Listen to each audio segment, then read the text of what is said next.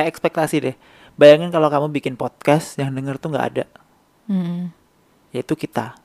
Welcome to Leonero Ngalor Ngidul, di mana dua orang gak jelas ngomongin hal-hal nggak penting. Hari ini kita pengen ngobrolin mengenai ekspektasi. Hmm. Karena banyak hal yang sebenarnya bisa jauh lebih simple dalam hidup ketika kita sudah berhasil memanage apa itu namanya ekspektasi. Baik ekspektasi kita ke orang lain dan mengenai ekspektasi orang lain ke kita. Cara kita memanagenya gitu. Menurut kamu ekspektasi itu apa? Ekspektasi itu adalah imajinasi kita terhadap masa depan pada benda atau hal-hal yang di luar kontrol kita. Menurutku sih gitu. Ekspektasi itu sesuatu yang positif atau negatif? Menurutku negatif banget. Aku nggak suka sebenarnya sama ekspektasi itu. Soalnya kalau gini ya, kayak aku ngelihat hal yang nggak bisa aku kontrol gitu ya. Terus dia tuh nggak sesuai sama ekspektasiku kan. Tau kesel gitu. Tapi kalau uh, aku stay di apa yang aku bisa kontrol, kayak misalnya diriku sendiri, cara aku ngadepin sesuatu. Misalnya gini, deh, balik misalnya ke investasi kayak gitu kan. Aku ekspektasi pasar tuh harganya naik terus gitu kan. Tapi nggak bakal kayak gitu kan. Atau aku investasi mikirnya bakal untung terus ya nggak bakal kan aslinya. Yang aku pikirin itu ya cuman ini tuh eh, apa yang bisa aku kontrol yang aku lakuin. Kayak aku nge-manage risiko itu bisa aku kontrol. Aku nge-manage juga eh, apalah pokoknya supaya bisa apa yang tetap bisa aku kontrol ya aku kontrol kayak gitu. Sedangkan sikap orang lain ke kita misalnya ya itu kan nggak bisa kita kontrol Atau ya hasil investasi, Hasil investasi tadi juga kita nggak bisa bisa, kontrol. kontrol. Karena namanya pasar kan Mm-mm. itu pasti ada naik turunnya ada naik turunnya sendiri. sendiri Kita nggak bisa ngapa-ngapain di situ. Tapi yang pasti kita sudah punya list-list atau items tentang gimana cara kita investasi supaya kita nantinya nggak nyesel gitu Mm-mm. kan. Jadi kalau misalnya emang udah ada aturan cut loss ya cut loss, Mm-mm. ada aturan take profit ya take profit, ada aturan udah ada eh, tiap bulan itu harus nabung berapa ya Iya. diikutin itu walaupun misal pasar udah masih menggiurkan banget tapi kalau misalnya kita sudah ada jatahnya, udah jatahnya habis ya harus ngikutin jatah itu Jatahnya tadi itu tadi boleh nggak boleh. dipaksakan ya supaya eh, nanti kalau ada apa-apa kita nggak akan nyesel karena ekspektasi kita yang terlalu tinggi itu Mm-mm. tadi kan kalau di dunia eh, kehidupan sehari-hari sebenarnya itu lebih banyak lagi sih ekspektasi itu. Kayak orang tua membesarkan anak juga kan nggak mungkin eh, dalam kepalanya tuh ingin punya anak yang biasa-biasa aja tuh kan hampir nggak mungkin ya kan? Orang tua tuh pasti berekspektasi tinggi gitu loh sama anaknya.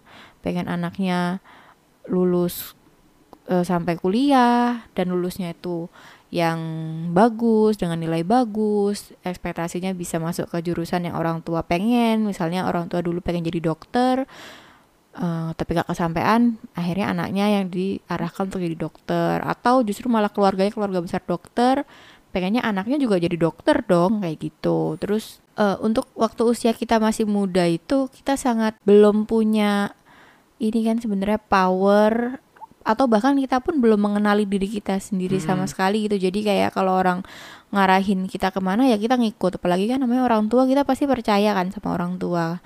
Kalau mereka pasti ingin yang terbaik untuk kita kita mikirnya kan kayak gitu.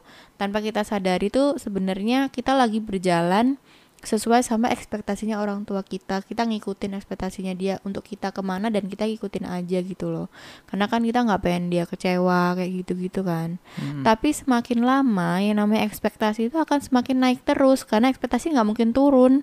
Yang tadinya orang tua pengen kita dapat nilai 100 terus tidak mungkin kan di masa depan orang tua pengennya kita dapat nilai 80. Yang ada ya pasti harus minimum 100 misalnya kayak gitu karena sebelumnya ekspektasi segitu dan terpenuhi terus. Nah, yang jadi problem adalah ketika kalian biasanya 100 Terus hari itu kalian dapat nilai 80. Nah, orang tua tuh bakal bersikap gini mana pasti kecewa kan. Mm-mm. Sedangkan eh, kamu punya adik misalnya. Punya adik dia tuh udah biasa dapat nilai 60 gitu. Ekspektasi orang tua ya berarti segitu kan. Paling Iya, enggak ke dia. 60 gitu. Nah, suatu hari si adikmu itu dapat nilai 80. Kebayang nggak orang tuamu bakal kecewa atau seneng? pasti seneng lah Padahal kamu dapat 80 dimarahin kan. Mm-mm. sedangkan adikmu dapat 80 dipuji-puji gitu loh Hmm. pinter gini gini nah yang aku pengen tahu tuh sebenarnya kayak gimana ya kalau kayak gitu ya Aku aslinya sih kayak kata Gary V ya, untuk dalam anak itu yang kamu pengen misalnya itu jangan berpikir tentang anak tuh jadi apa yang kamu pengen, tapi gimana caranya kamu bantu anakmu untuk nemuin apa yang dia pengen dan bantu dia mencapai apa yang dia pengen kayak gitu kan. Jadi kalau misalnya kayak kamu anakmu tuh nggak tertarik di sekolah kayak gitu dan tertarik di misalnya eh, jualan atau apa ya kamu support di situ. Bukan berarti ya berhenti sekolah ya sekolah tapi nggak usah kamu anggap serius kayak gitu. Tapi coba pahamin anak itu tuh maunya apa bukan kamu maunya apa. Kamu tuh nggak penting gini. Kamu sebagai orang tua tuh menurutku sih nggak berhak apa-apa atas masa depannya anak ini. Soalnya nanti setelah kamu mati anak ini tuh kemungkinan masih hidup dalam waktu yang panjang. Dan aku nggak pengen kalau anak itu benci sama kamu karena ekspektasimu itu sendiri kayak gitu loh. Jadi kamu tuh hubungannya tuh sangat sangat tense karena yang ada tuh cuman uh, memenuhi ekspektasi atau enggak. Padahal kan harusnya bisa banyak yang lebih bermakna nggak sih daripada sekedar mengejar ekspektasi? Aku nggak satu dua kali ketemu sama teman yang bilang cita-citanya apa? Membahagiakan orang tua kayak gitu. Kamu nggak punya kendali atas kebahagiaan orang tuamu? Aku mikir kayak gitu. Apa yang orang tuamu bisa bahagia itu itu ya urusan orang tuamu sendiri bukan urusanmu sama sekali.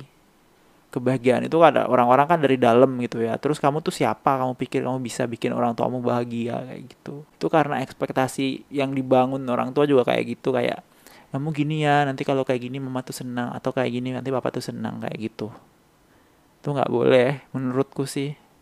Lebih ke arah apa kayak pressure yang nggak penting terjadi dalam hidup Iya sih, kalau misalnya kita ngomongin itu kan kita gampang banget kan ngomong tinggal jalanin apa pun yang bikin kamu happy kayak Mm-mm. gitu. Em, orang tua nggak ada kontrol apa-apa di kamu kayak gitu, tapi kan kita juga mesti coba lihat orang tengok ke ya belakang, kalau ke, tengok ke belakang di mana kita masih belum independen, di mana kita masih bergantung sama orang tua, gimana kita masih harus mengambil hati mereka kalau mereka tetap mau ngasih makan kita, mau ngasih atap di atas kepala kita kayak gitu loh.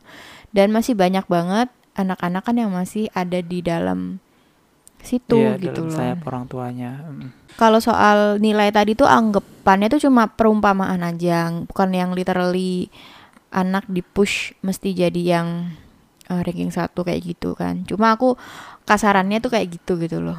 Analoginya seperti itu. Jadi ada anak-anak yang orang tua itu ekspektasinya tinggi karena emang dari awal anak itu selalu memenuhi ekspektasi orang tuanya terus-terusan sehingga ekspektasinya itu tidak bisa turun kan dari situ. Jadi ketika karena anaknya udah terbiasa ranking satu, terbiasa itu nilai bagus, terus bisa masuk ke kampus idaman, terus bisa keterima kerja di kantor yang bagus, terus dari situ nyari pasangan itu udah mulai ribet gitu loh. Karena kan selama ini textbook banget kan Mm. semua yang sebelumnya tadi. Sedangkan kalau nyari pasangan kan ya bisa juga sih textbook ya, tapi mungkin dalam tengah jalan dia pengen merasakan cinta yang yang love atau apa kayak gitu yang loh. bukan textbook Iya yang Ya. yang non textbook gitu sehingga dia nggak mau kalau sekedar ketemu cowok buat deal dealan oke kita nikah kayak gitu mungkin nggak mau sehingga dia pengen yang aku pengen cowok yang bisa membuatku jatuh cinta misalnya kayak gitu nah di situ kan pasti akan uh, timbul friksi kan orang tua kan pasti punya standar juga kan untuk uh, Iya, ya kan? pasangan anak tuh kayak jadi apa kayak gitu kayak berpikir kayak gimana nih memenuhi ekspektasi itu adalah hal yang baik atau enggak aslinya Hmm. kalau Kalau soalnya ada juga yang kayak aku bilang tadi kan anak Ya. yang kedua dari awal nilainya jelek, jelek, jelek. Jadi ketika dia ada satu aja yang bagus tuh kayak orang tua seneng gitu loh. Mm, Jadi ketika dia eh, selama hidupnya tuh nggak pernah textbook gitu, kayak Iya. jadi murid yang cuek aja, nilainya standar-standar aja, masuk kampus yang standar dan effortnya juga standar sehingga dia nggak stand out gitu, nggak pernah dapet nilai yang wow sehingga dosen itu em, ngontak orang tua dengan bilang sangat-sangat berprestasi ya anaknya. Jadi nggak per- nggak pernah kayak gitu. Mm. ya penting lulus aja udah alhamdulillah misalnya kayak gitu. Terus ketika nyari pasangan juga kayak ogah-ogahan juga nyari pasangan. Mm. sehingga sampai dia sampai umur tertentu tuh orang tuanya kayak "Ya udahlah kamu nikah sama siapa aja terserah yang penting nikah. Kayak ya gitu ini loh. kayak kayak siapa ya? Ini lagi aku wawancara sekarang ya. yang penting nikah gitu akhirnya nikah gitu loh. Kalau dilihat dari eh apa ya jalan hidupnya kan sebenarnya orang-orang pasti lebih pengen yang pertama kan karena yang pertama lebih sukses kelihatannya kan. Iya. Bisa masuk ke kampus yang bagus kerja bagus terus dia pengen nikahnya itu juga dengan em, jatuh cinta gitu kan. Yang kedua itu kayak standar-standar banget kan hidupnya sebenarnya. Tapi justru tuh anehnya orang tua biasanya ya justru lebih sayang sama yang kedua. Justru malah yang pertama itu bakal digenjot abis-abisan diteken. Pokoknya kayak tega banget lah sama anak yang pertama. Padahal yang pertama tuh selalu memenuhi ekspektasinya seumur hidupnya dia kecuali poin terakhir soal nyari suami itu doang misalnya kayak gitu. Ya sih aku ngerasanya kayak gitu. Soalnya kamu pernah ngelihat kejadian kayak gitu nggak? Mm-mm. sering aslinya ngelihat kejadian kayak gitu. Kenapa aku ngelihatnya kayak gitu? Ya menarik sih. Dari yang aku lihat ya. Jadi kayak eh, ini kan bukan sekedar ngelihat memenuhi ekspektasi itu sama dengan mendapatkan kasih sayang orang tua kan ya. Ternyata enggak karena orang tua itu ada juga yang suka dipasif agresifin kayak gitu. Kayak aku nggak butuh ya cinta kalian. Terus orang tuanya kayak please please kamu butuh dong cinta aku kayak gitu loh. Yang aku tangkap sih kayak gitu. Dan nggak cuman orang tua aja ya banyak banget hubungan yang kayak gitu cara berjalannya supaya kamu tuh ya kayak power play lah Istilahnya, supaya kamu tuh dapat eh, apa upper dan kalau dilihat lagi balik lagi ke ekspektasi sama realita kayak gitu-gitu kan apa eh, lucu sih ngelihat orang tua yang neken anaknya sampai bener-bener bener-bener parah gitu. Tapi ada juga kok anak-anak yang sesuai ekspektasi itu selalu dibandingin sama misalnya adiknya atau kakaknya lihat tuh kakakmu kayak gini masa kamu nggak bisa iya kakak?" asalkan dia gitu. memenuhi ekspektasinya terus iya Kalau yang aku ceritain tadi kan dia memenuhi terus sampai kemudian ada titik terakhir dia Hmm. tidak memenuhi. Nah, di situ loh. Poin turning pointnya sebenarnya. Kayak biasanya dapat 100, terus satu kali itu doang terakhir itu doang dapat 80. Itu udah langsung kayak sejelek-jeleknya orang gitu loh dianggapnya. Iya dan dan dia juga pasti ngerasa kayak city banget kan karena dia selama ini ngedapetin apa pun itu selalu 100 misalnya kan ya. Terus dia 80 ya itu bukan sekedar ekspektasi orang luar aja yang bilang aduh gimana nih kamu nilai kayak gini masa kayak gitu kan. Tapi dari diri sendiri juga pasti udah ngerasa kayak kenapa ya aku nilainya kayak gini kayak gitu. Dan hal yang kayak gitu itu padahal nggak bisa dirubah lagi udah kejadian kan nilai 80 itu. Tapi orang-orang itu pada kayak nyesel bukan dia doang padahal yang harusnya paling nyesel tuh dia kayak gitu. Itu sih menurutku agak aneh terlalu banyak campur tangan orang di hidupmu itu menurutku yang kayak eh, ekspektasi ekspektasi itu kan ya kayak campur tangan campur tangan gitu kan. Aku sampai mikir gitu loh, jangan-jangan untuk jadi anak yang disayang justru malah kita sebenarnya nggak perlu untuk dengerin ekspektasi orang tua kita tuh Aslinya kayak sih gimana mandatory gitu. loh sayangnya orang tua ke anak itu is mandatory itu harus kayak Dari gitu. lahir ya Iya. harusnya. dan itu harusnya unconditional kayak gitu sih ya aku ngerasanya kayak nggak adil aja Iya ada sih, tapi emang kasih tapi saya kasih sayang orang tua dia sama kayak halnya jatuh cinta kan. Kita jatuh cinta ke orang kan nggak bisa dikontrol ya untuk jatuh Mm, cinta sama siapa. mm. Ya mungkin orang tua juga kayak gitu kan. ke anak juga kayak Heeh, gitu ya jatuh cinta ke anaknya nggak bisa dikontrol. Ya emang nggak sayang aja sama anak ini. Hmm, sayangnya sama adeknya misalnya kayak gitu ya Mm. kita nggak bisa kontrol apa-apa jangan pikir hanya karena kamu memenuhi ekspektasi mereka lantas kamu bisa mengambil hati mereka karena itu tidak mungkin gitu kan iya bener sih kayak jangan kamu berjuang di apa kayak melakukan hal yang lost mustahil cause kayak gitu, gitu loh. iya. itu sesuatu yang kamu tidak kontrol. tidak bisa menangin Hmm. gitu. Karena yang namanya hati itu bukan kita yang bisa menggerakkan kan? Iya, jadi kita mau usaha kayak gimana pun tuh nggak bisa. ada gunanya. Banyak banget kenyataannya tuh anak-anak baik yang ngerawat orang tuanya ketika orang tuanya udah tua sakit kayak gitu kan?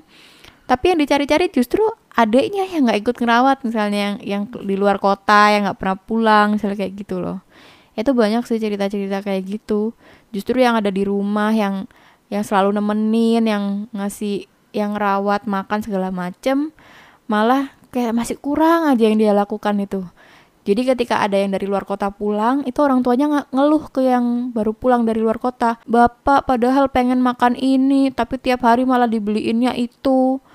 Padahal makannya segini, dibeliinnya dikit, misalnya kayak gitu-gitu. Pasti ngeluh-ngeluh gitu loh sama anak yang baru pulang gitu. Dan itu kejadian sering banget sih. Iya kasihan aslinya sama orang-orang yang aslinya tuh sayang sama orang Iya, tuanya, benar. tapi ternyata itu ya bertepuk sebelah Nah, tangan. iya benar namanya sih. kasih, ya namanya hubungan yang bertepuk sebelah tangan sih nggak ada yang enak buat dilihat sih. Selalu Iya. rasanya Kalau kasihan. emang si anak yang ngerawat itu dia ikhlas dan emang beneran eh, pengen ngerawat sih oke ya. Tapi kalau misalnya dia denger kayak gitu kan juga kasihan juga Kasihan ya. banget. Cuma ya nggak bisa apa-apa lagi. Namanya dia mungkin pengen berbakti juga kan. Jadi kita Mm-mm. nggak bisa bilang apa-apa juga. Cuman ya buat kalian yang masih bisa untuk memilih antara memperjuangkan cinta orang tua atau enggak memperjuangkan gitu selalu pilih sesuatu yang kamu bisa ikhlasin seandainya itu akan tidak ada hasil apa-apa buat kamu misalnya em, kamu memilih untuk ngerawat orang tua misalnya di rumahmu dan ternyata orang tuamu itu malah marah-marah terus ke kamu atau komplain terus atau malah ngata-ngatain kamu di saudara-saudara yang lain. Gara-gara kamu tuh mungkin ada yang kurang atau gimana ya kamu harus rela dengan kondisi seperti itu. Eh, kalau emang jalan itu yang kamu pilih. Tapi Iya. kalau kamu seandainya sekarang kamu pikirkan seandainya itu kejadian dan kamu nanti nggak akan bisa ikhlas, nanti kamu bakal marah balik sama orang tuamu. Mending dari awal nggak usah diambil jalan itu karena itu nggak akan berakhir baik sih untuk kalian berdua. Bukannya malah hubungannya jadi membaik, justru malah memburuk banget sih daripada sebelumnya. Kayak dulu aja aku masih tinggal sama orang tuaku tuh tiap hari dimarahin kan kayak ada aja yang salah. Udah kuliah gitu ya dari pagi sampai malam pulang di rumah tuh lagi makan gitu sambil nonton TV kayak gitu ditanya kok gak bawa buku? Kok gak belajar? Kayak gitu. Aku kayak aku tuh capek pulang kuliah masih istirahat bentar aja udah disuruh mana bukunya mana belajarnya kayak gitu. Padahal ya apa ya emang aku nggak pinter sih. Cuma sekarang setelah aku sadari tuh aku lulusan kampus negeri gitu dengan kampus teknik gitu bahkan kan dengan IPK itu 3 koma gitu. Kayak aku sebenarnya dulu tuh nggak goblok-goblok banget kan tapi entah kenapa tuh aku selalu merasa diriku tuh goblok banget. Selalu. Padahal ya aku nggak segoblok itu gitu. Tapi entah kenapa aku di bawah orang tua aku tuh bisa bikin kamu aku aja ada aku buruk ada banget gitu ada loh. semester yang kamu tiga setengah kan IPS-nya. Iya. Hmm, ya aku juga nggak ngerti kayak kenapa kita itu ngerasa kayak gitu padahal angka itu membuktikan tidak kayak gitu kan angka ngebuktiin kayak kamu tuh nggak bodoh kayak gitu tapi entah kenapa hati kita atau pikiran kita tuh ngerasa kayak gitu karena orang-orang yang kita anggap berharga itu ngelihat kita tuh kayak "Hmm, gagal kayak gitu Iya, benar. Itu problematik banget sih karena hal itu malah me- merusak banget sama self confidence kan. Hmm, Padahal sebenarnya kita tuh jauh bisa lebih baik daripada itu gitu loh. Kalau seandainya kita lebih percaya diri jadi nggak takut nggak takutan dalam melakukan sesuatu iya. gitu. Mm-mm. kayak kamu eh, kamu kan kalau misalnya kita biasa apa kayak eh, ketakutan yang kita alamin waktu tugas misalnya ya. Kita punya ekspektasi sama tugas kita tuh kita kalau misalnya nggak ngerjain full gitu ya terus kita apa detik-detik terakhir itu ternyata belum selesai gitu kan. Kalau kita punya ekspektasi sama diri kita sebagai orang yang bisa nyelesain kayak gitu kan kita pasti ngepush supaya kita nyelesain terus ngumpulnya telat kayak gitu kan tapi di satu sisi tuh kayak kita punya sistem.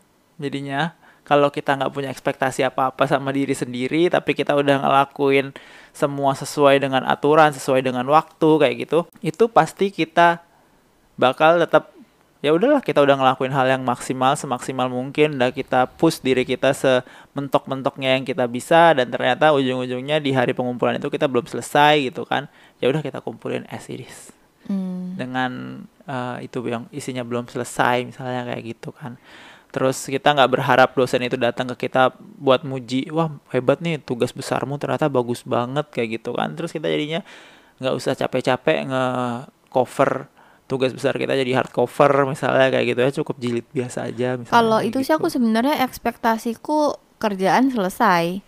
Cuma aku tidak berekspektasi akan sempurna. Hmm. Jadi ekspektasi tetap selesai itu harus sih soalnya kan walaupun jawabannya salah, walaupun kita Iya, ngarang iya, jawabannya, benar, benar. walaupun gambarnya ngarang, walaupun apapunnya itu ngarang, yang penting Hmm. harus selesai. Kalau menurutku itu sih. menurutku juga kayak gitu kayak nggak usah ekspektasi kerjaanmu tuh perfect Ah kayak itu gitu soalnya ada juga kan orang Orang yang yang ini expect. kenyataan adikku kan, Hmm. adikku sama aku tuh beda banget kayak 180 derajat. Dia tuh berekspektasi apa pun yang dilakukannya harus perfect kayak gitu. Jadi Iya. dia ngumpulin tugas besar itu harus dalam kondisi benar-benar perfect dan harus bagus banget dan harus kayak kayak benar-benar tidak ada noda, tidak ada salah, tidak ada celah sama sekali gitu. Sehingga pas tanggal pengumpulan karena dia merasa itu tidak perfect, jadi tidak dia kumpulkan. Sehingga dapat nilai D eh eh ya kalau nggak salah. Ya atau apa itulah harus ngulang lagi mata kuliahnya gitu loh. Cuman gara-gara dia nggak mau ngumpulin gara-gara tidak perfect gitu. Kalau aku malah sebaliknya. Aku tuh tipe yang hajar aja kayak gitu.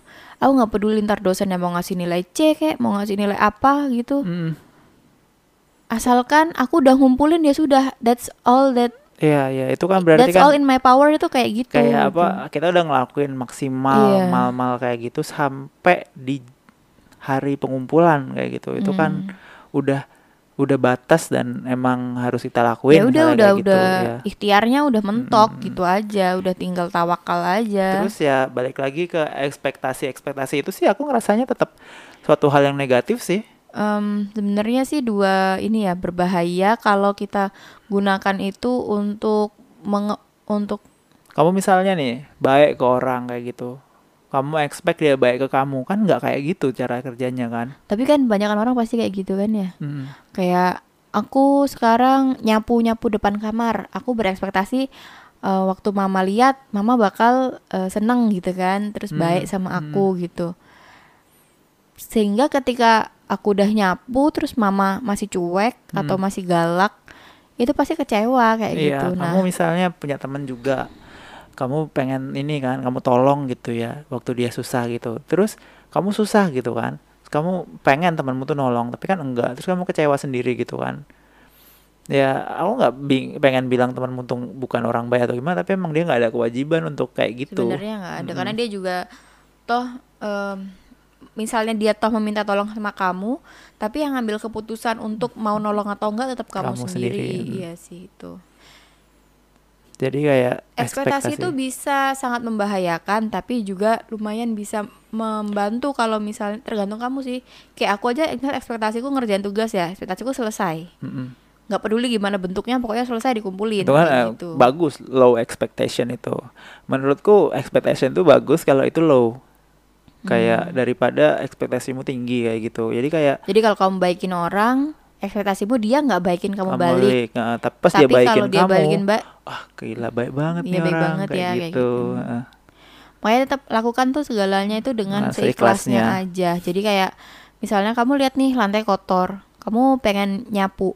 Kira-kira imbalannya nyapu tuh apa ya? Lantainya jadi bersih. Iya, Titik, itu doang Itu aja. menarik banget Itu kayak baru gitu. boleh silakan disapu. Tapi kalau ekspektasimu buat dipuji sama mama, ya mending jangan kayak Hmm. gitu karena eh, kita tidak bisa mengontrol orang lain bakal kayak apa ke kita. Hmm.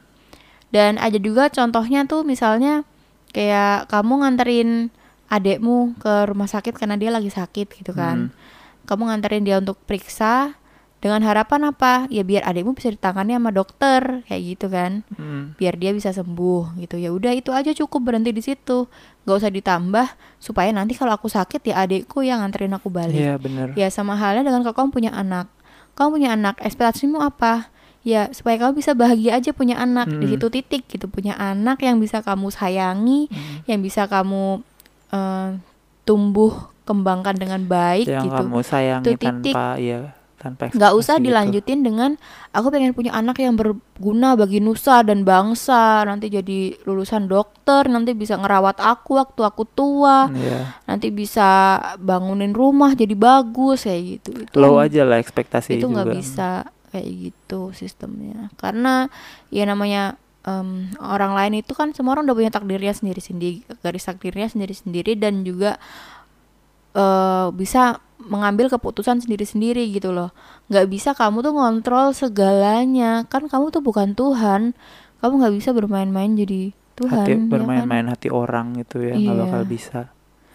Ketika kita udah nggak ada ekspektasi itu segalanya tuh jadi lebih indah loh sebenarnya. Kayak dulu tuh aku berekspektasi kan misalnya aku ngelakuin apa yang sesuai kayak yang mama inginkan gitu kan. Ekspektasiku tuh dia bakal menghargai kayak gitu-gitu kan. Hmm. padahal belum tentu gitu. Ya ya oke dia berbahagia dalam satu hal tapi tetap bakal ada yang kurang. Ada aja pasti yang kurang kan. Kok nggak gini kok nggak gitu kok nggak beli ini kok nggak beli itu misalnya kayak gitu. Padahal aku ngerasa itu nggak penting ini bukan ini kayak gitu gitulah pokoknya. Sedangkan ketika aku udah stop bener-bener stop udah nggak mau lagi ngejalanin ekspektasi itu jauh lebih nyaman dan aku malah jauh lebih sayang loh sama mamaku.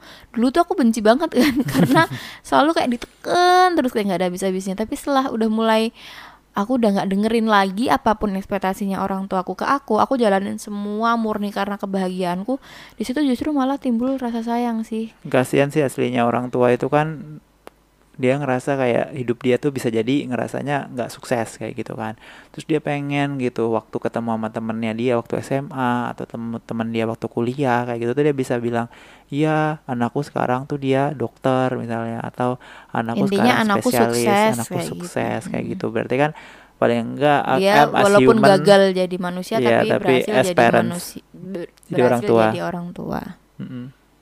Dan eh, aku nggak tahu sih kenapa orang tua milih kayak gitu, kayak berhasil jadi orang tua itu patokannya apa sih?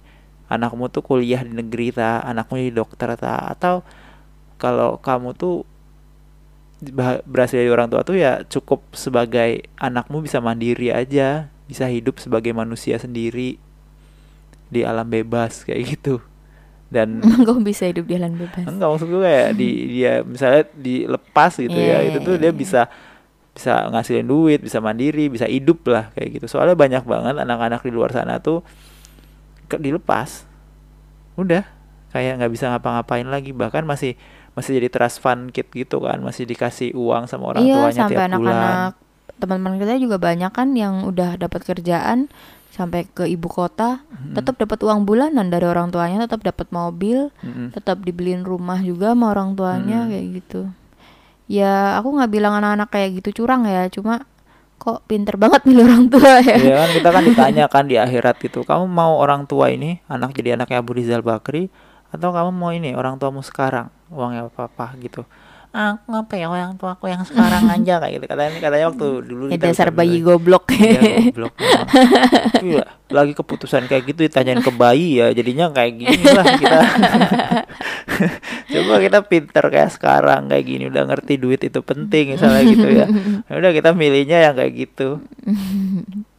Tapi eh, to be honest aku aku tetap lebih bersyukur sih dengan kondisi kita yang benar-benar dilepas nol rupiah sama orang tua gitu loh. Dibandingin entah kalau itu dalam kita- keinginan mereka atau aslinya mereka kalau bisa bayarin kita ya pengennya bayarin terus misalnya gitu ya. Iya. Di luar itu beruntung rasanya soalnya dengan kayak gini nih justru malah kita berkembang banget sebenarnya. Kita jadi So- bener-bener hustler coba kamu bahas coba itu. Ada orang-orang kan kayak adik-adiknya. Oh iya. Ya adik-adiknya gitu masih di dikasih uang terus-terusan. Iya tiap kali ada masalah apa di bail out. Mm-mm. ad- abis nyuri di bail out, out. hampir masuk penjara di bail Bail out. iya bener sih. Dan dan, sampai tua nggak bukannya malah makin bagus gitu tapi malah makin anjlok gitu. Yang rumah tangganya hancur lah selingkuh lah. Terus embezzlement dan nipu segala macem dan gitu. yang bikin menarik tuh aslinya it all will be better kalau misalnya mereka tuh dilepas gitu aja. Aslinya ya. Mm-mm. dan kalau ngelakuin kesalahan apa pun tuh ya harus nanggung resikonya gitu Iya. kan. Kalau misalnya kamu habis nyuri nih terus mau dimasukin penjara sama yang kecurian kamu justru sebagai orang tua yang baik kamu harus ngebiarin anakmu tuh tetap di penjara gitu loh. Kalau kamu mau dia berkembang ya. Mm, entah nanti dia berkembangnya ke gimana cara nyuri yang biar nggak ketangkep Hmm. atau jangan Udah nyuri, nyuri lagi. lagi. Pilihannya kan kayak gitu.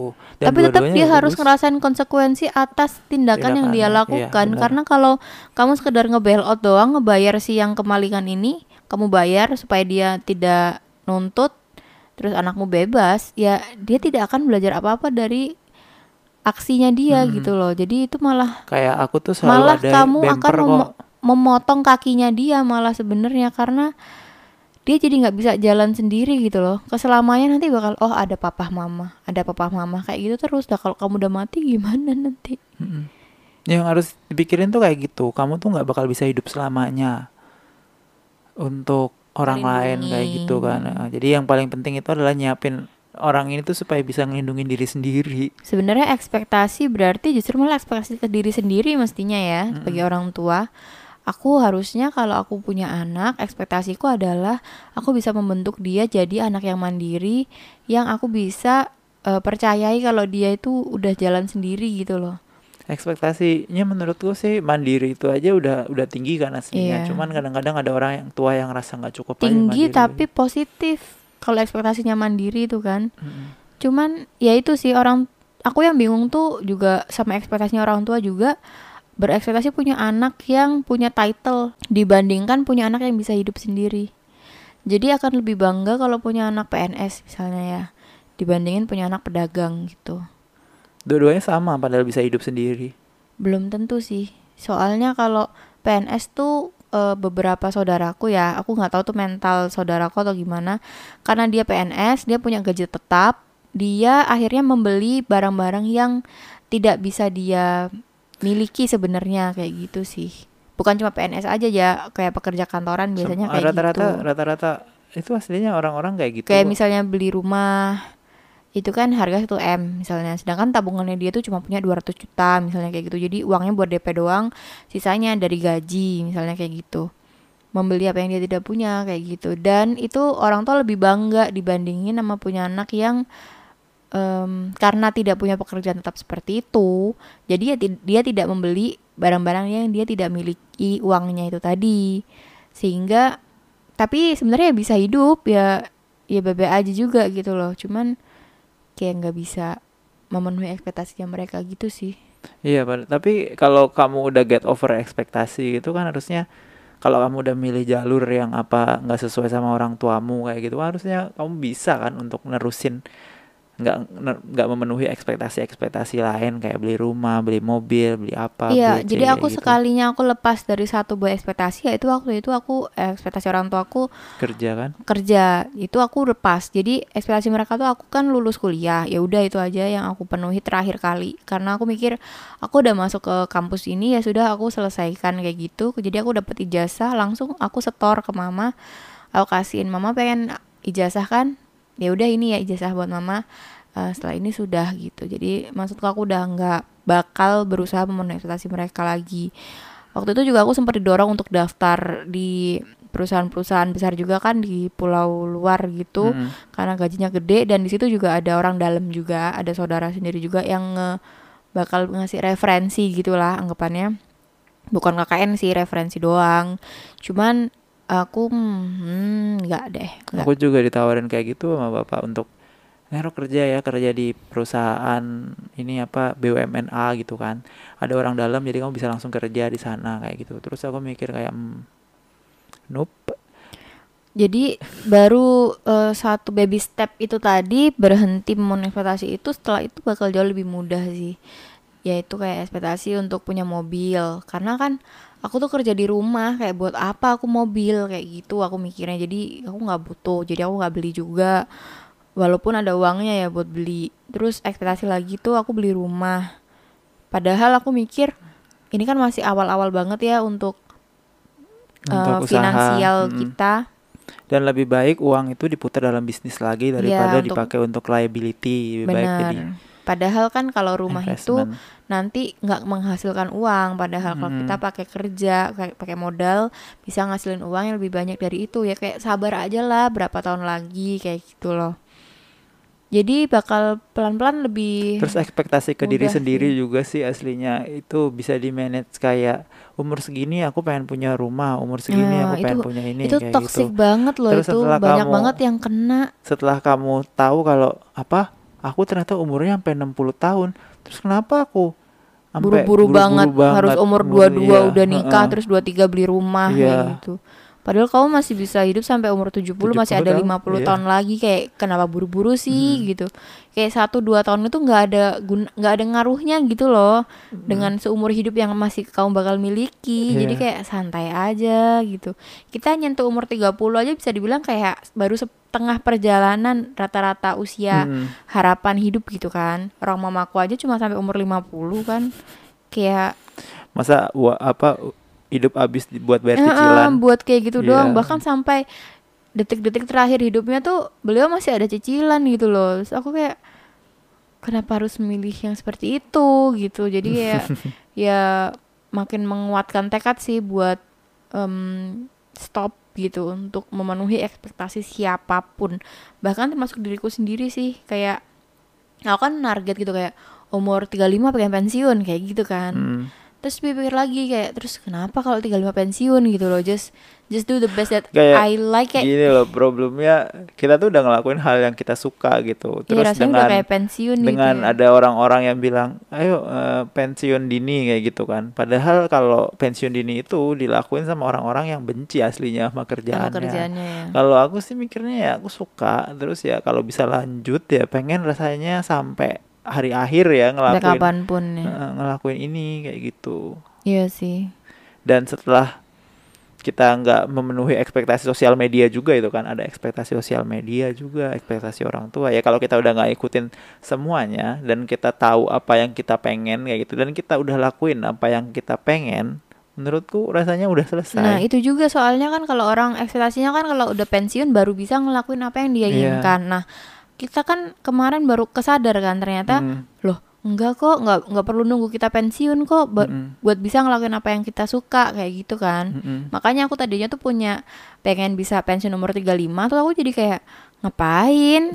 Orang sekarang aja kalau gitu kalau emang apa yang pengen kamu lakukan ketika kamu pensiun tuh apa? Ya lakukan aja sekarang kayak Iya. gitu start from now kayak Mm-mm. gitu.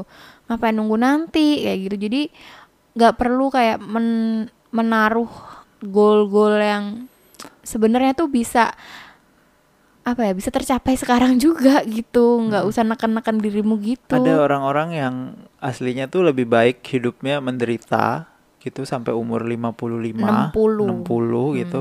Yang penting dia sesuai. Setelah umur 60 nanti Iya, baru bisa baru- tiduran di rumah terus-terusan gitu.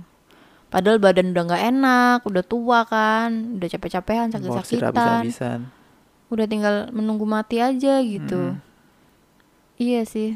Tapi atau malah umur 60 baru mau mulai bisnis kayak Mm-mm. gitu kan karena akhirnya bisa karena udah pensiun kayak gitu Mm-mm. kan. Terus ngapain kemarin pakai yang berpuluh-puluh tahun ke belakang tuh berarti dia melakukan sesuatu yang dia tidak suka dong kayak gitu tuh sedih banget nggak sih? sedih-sedih banget kayak Aku kemarin sempat ngomong sama temenku kan, aku nggak tahu ntar aku bakal masuk surga atau enggak. Aku nggak tahu ntar bener ada surga atau enggak. Ya udah sih bikin surga aja sekarang di sini. Yang kita bisa. Surga bagi kita tuh kayak apa sih gitu kan. Karena kalau dulu mungkin aku tanya surga ya, aku pengen punya istana yang gede, mungkin di punya di surga tuh di The Office sampai season 12 kayak di dunia ini kan cuma sampai 9 misalnya Nah, aku tuh punya istana yang gede, terus punya mobil banyak, terus punya pesawat pribadi, punya pembantu itu banyak. itu yang kamu bayangin soal surga dah dulu. Terus kemudian sekarang aku pikir, buat apa aku punya rumah gede yang ruangan-ruangannya bahkan nggak kepake? Buat apa punya pembantu banyak yang bahkan kayak aku nggak bakal nyaman, bakal ada orang-orang luar gitu yang denger semua obrolan kita gitu kan. Tapi sekarang malah kita post. aku mikirnya juga Terus kayak gitu punya mobil-mobil yang juga aku nggak pernah pakai gitu. Kayak di surga mau ke mana sih? Kan kalian tinggal kling gitu langsung gitu kan. Kayak buat apa punya Kenapa mobil, ya? buat apa punya Betul pesawat juga. gitu. kenapa punya rumah Hah? orang jelas-jelas langitnya nggak pernah hujan misalnya Iya dan juga dingin. sungainya dari susu kayak gitu gitulah. Mm-mm. Terus aku mikir surga tuh apa sih? Terus aku mikir lagi bisa duduk berdua sama kamu di sofa nonton Netflix dari pagi sampai malam sampai kepala sakit gara-gara pakai kacamata terus gitu kan. Sampai sakit kepalaku.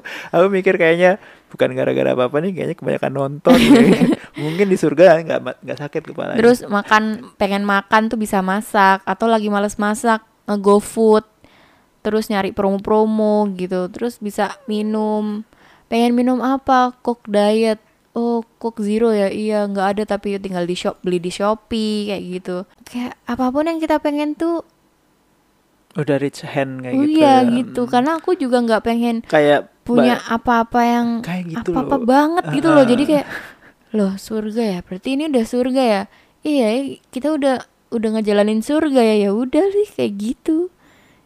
Kalau Hmm. ekspektasi kita tuh sebenarnya apa ya applicable gitu loh ternyata tadinya tuh nggak ngerti aku kalau itu tuh udah ke jalan gitu loh Iya, iya, soalnya kan ada ada kayak ekspektasi-ekspektasi dari luar kan yang nyuruh kita A B C gitu. Padahal kalau misalnya kita kayak duduk depan TV itu, terus matiin lampu, nyalain lampu yang remang doang sambil makan snack, nonton film kayak gitu kan. nyalain AC Nyalain AC, ampun, itu kok gimana ya? I would kill for that gitu. Enggak sih ngapain kill itu lo Terus murah tuh nggak nggak butuh ngelakuin itu sama sekali dan kita nggak perlu bahkan untuk super capek Mm-mm. dan itu tuh cukup untuk bisa bikin kita Iya. bahagia.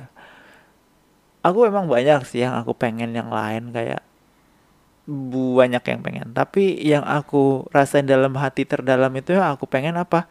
Ya udah aku lakuin sekarang. Dan sumpah rasanya enak banget guys. Kayak aku ngelihat orang-orang yang pensiun tuh biasanya ngapain sih? Sore-sore Kayak duduk depan duduk Porch. depan rumah gitu sambil ngeliatin burung-burung atau nyiram-nyiram tanaman kayak gitu-gitu Hmm. kan biasanya orang-orang pensiun Mm-mm. kan. Jadi kayak ya nggak ada bedanya sih sama kita sih. Kita pasang CCTV depan rumah buat ngeliatin kucing yang datang buat makan gitu. Mm-mm. kayak iya ya nggak usah set umur berapa pengen pensiun. Kalau emang pensiun itu adalah sesuatu goal buat kamu ya lakukan sekarang kayak gitu. Tapi tetap jangan lupa cari duit buat Aku makan. juga, tapi kita problemnya tuh kita emang les nggak punya tanggung jawab sih. Problemnya. Iya jadi kita gampang aja kayak gini Hmm. kan nggak ada kayak anak nggak ada jadi cicilan rumah, nggak ada Hmm. cicilan mobil ya karena kita udah ngelepas hal kayak gitu kan nggak punya anak juga. Terus jadinya ya tanya hidup apa enak? Ya enak banget Iya. kayak gitu. Karena kita nggak ada pressure apa-apa. Ekspektasi penting banget dari anak itu kan bisa makan sih. Dan kalau Hmm. kita misalnya nggak bisa provide itu kan berarti ekspektasi dasar itu kan makan Hmm. nggak terpenuhi kebutuhan dasar nggak terpenuhi ya Kalau yang aku juga. takutkan dari punya anak tuh sebenarnya kalau providing sih aku yakin sih kita bisa ya karena anak tuh makan sebanyak apa sih? Paling separuhnya kita kan kita bisa iya kita bisa ya. kurangin 0,2 dari aku 0,2 dari kamu kasihin ke dia kan cukup aslinya. Yang aku takutkan itu lebih kayak ke orang luar bakal punya ruang gitu untuk ngejailin kita lagi gitu. Kalau sekarang kan kita udah nggak bisa dijailin lagi kan. Iya bayangin coba kalau misalnya kita kayak gini terus ada anak gitu kan terus dia itu bakal dibilangin sama guru kok Pak Bu ini kenapa ya nilai anaknya jelek padahal kita kan nggak peduli kan Heeh, biarin aja jelek Heeh, gitu. terus tapi anak Tapi ntar tuh pasti di pressure kan. Mm, Dan anaknya juga bakal diteken kan. Ditekan Kamu kok nilainya jelek, kamu nggak pernah belajar ya gini gini gini Mm-mm. gitu. Dan sekolah pasti nekenin kita juga kan. Mm-mm. Ini anaknya harusnya gini gini gini gini diikutin Masa- les aja atau iya. apa nambah manggil guru atau apa. tapi yang bilang eh gitu. biasa lah bu namanya juga anak anak belum Mm-mm. tahu dia pengennya apa kan gitu Nah tapi kan itu juga menambah sebuah keribetan gitu Mm-mm. maksudku.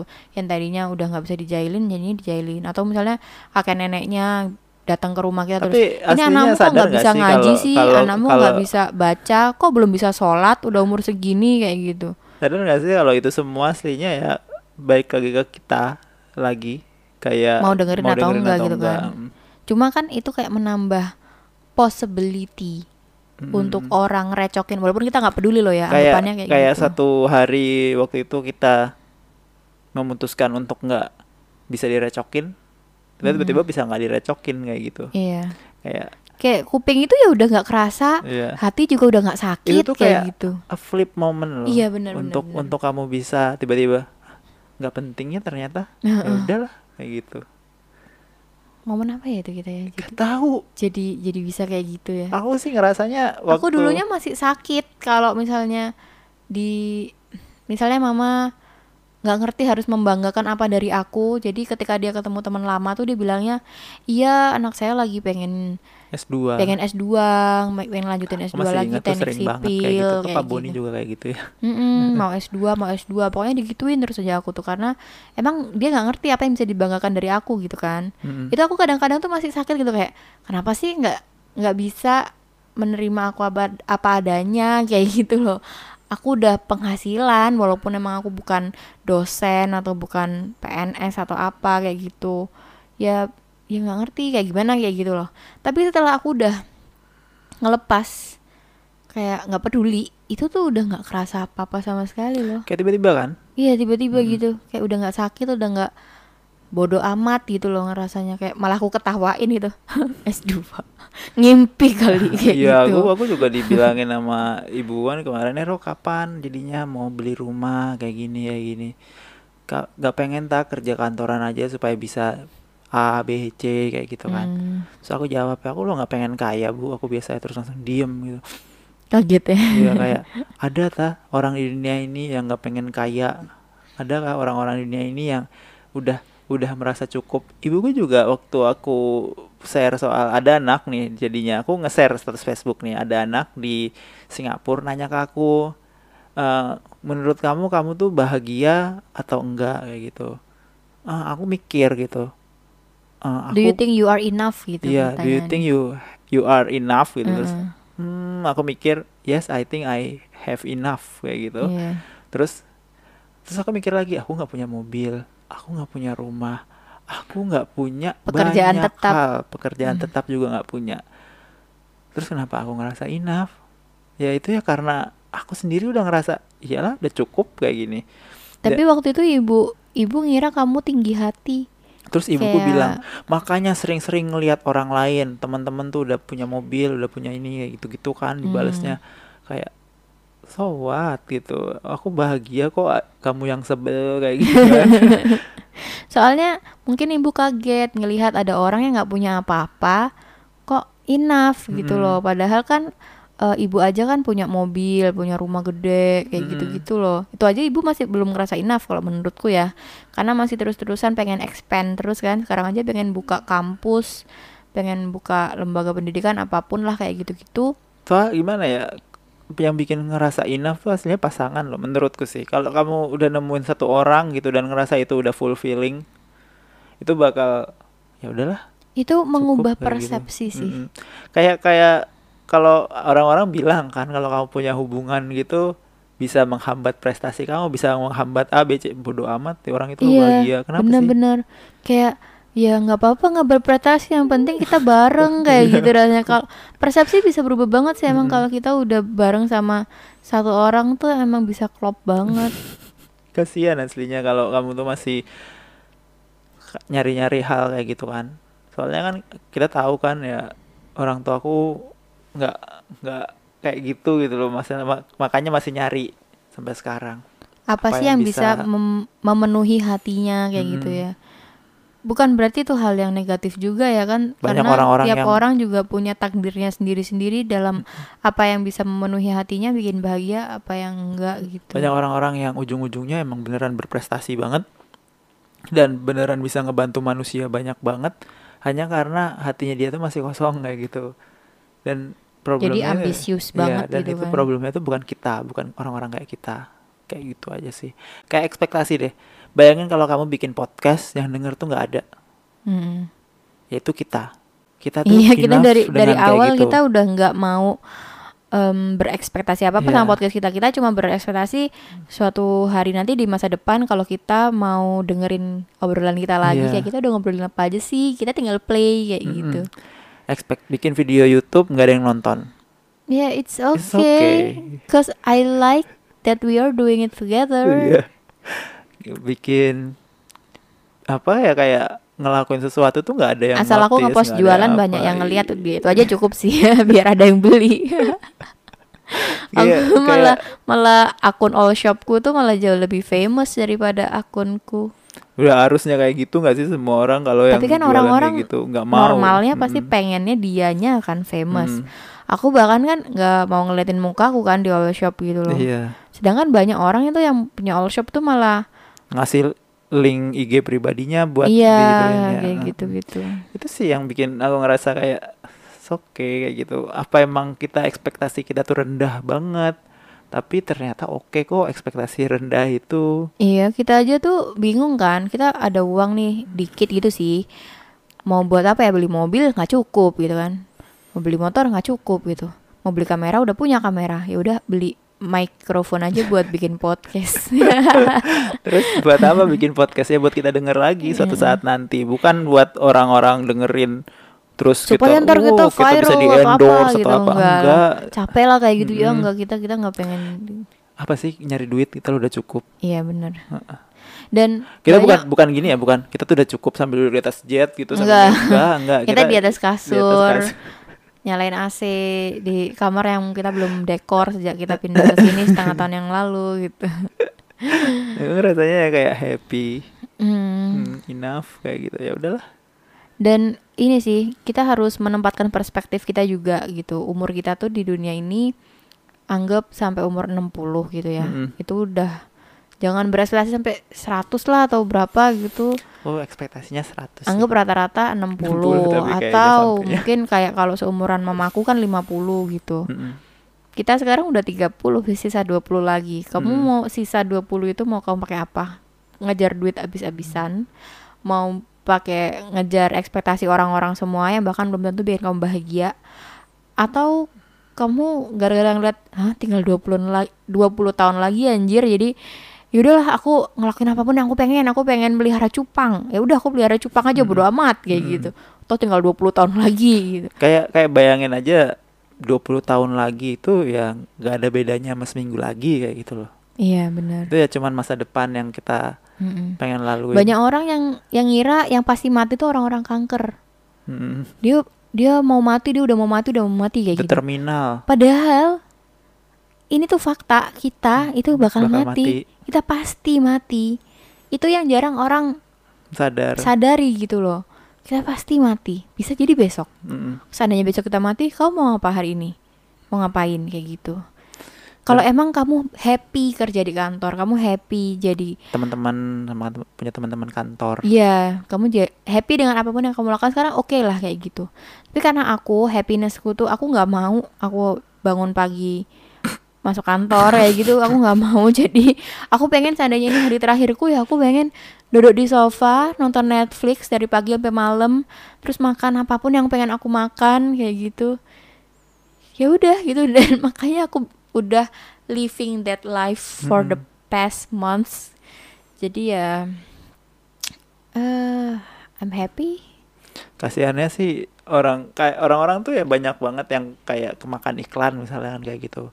Buat orang kayak kita tuh sangat susah kemakan iklan. Iya.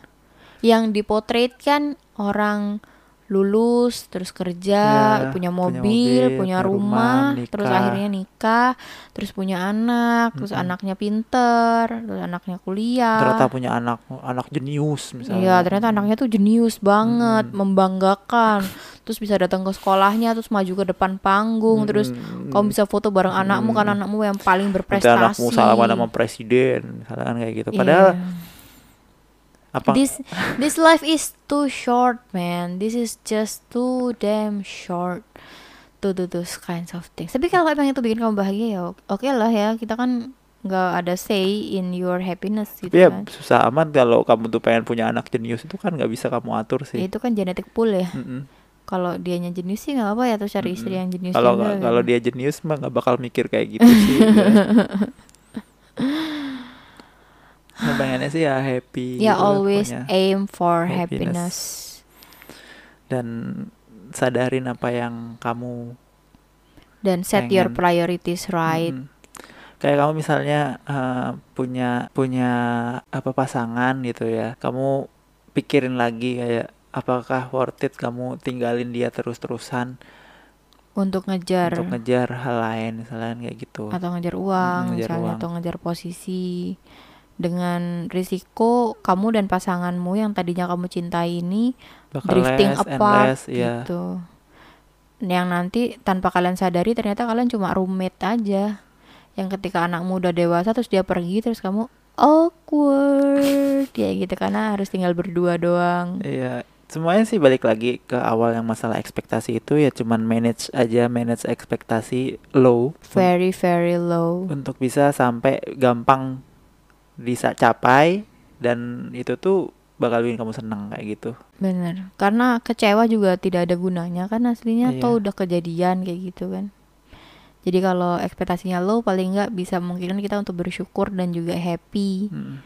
about it then always choose your happiness Not anybody else. tapi kalau happiness membunuh orang ya jangan coy yang bener aja. Pokoknya happinessnya Kecuali yang konsen. yang masih legal legal aja. Oh, ya iya. kecuali orangnya minta dimakan terus kanibal atau nggak nggak nggak boleh lah kita itu kan. Ilegal bisa masuk penjara kita jangan. Pokoknya yang yang bikin kamu happy tapi tidak merugikan orang lain gitu aja ya. Oke, terima kasih udah dengerin. Dan kalau kalian mau reach out ke kita ada di Twitter at @wiaprilia atau Nerorisme. Kita juga ada di Instagram. Kalau kalian pengen ngobrol-ngobrol sama kita juga bisa nanti kita set up. Tapi nggak tahu sih ngobrol sama orang yang kita nggak kenal bisa nggak ya kita? Nggak bisa. Ngobrolnya via itu aja nanti kita bacain. oh jadi kayak dia ngirim pesan gitu ntar kita bacain Mm-mm. itu. Oke. Seru ya kalau udah jadi kayak gitu nggak usah mikirin konten. Tinggal baca-baca doang. kayak ini mikirin aja Wah iya ternyata enggak. orang tadi cuma sekedar ngobrol apa ya ngobrol apa ya kayak gitu oke bye bye see you Bye-bye. later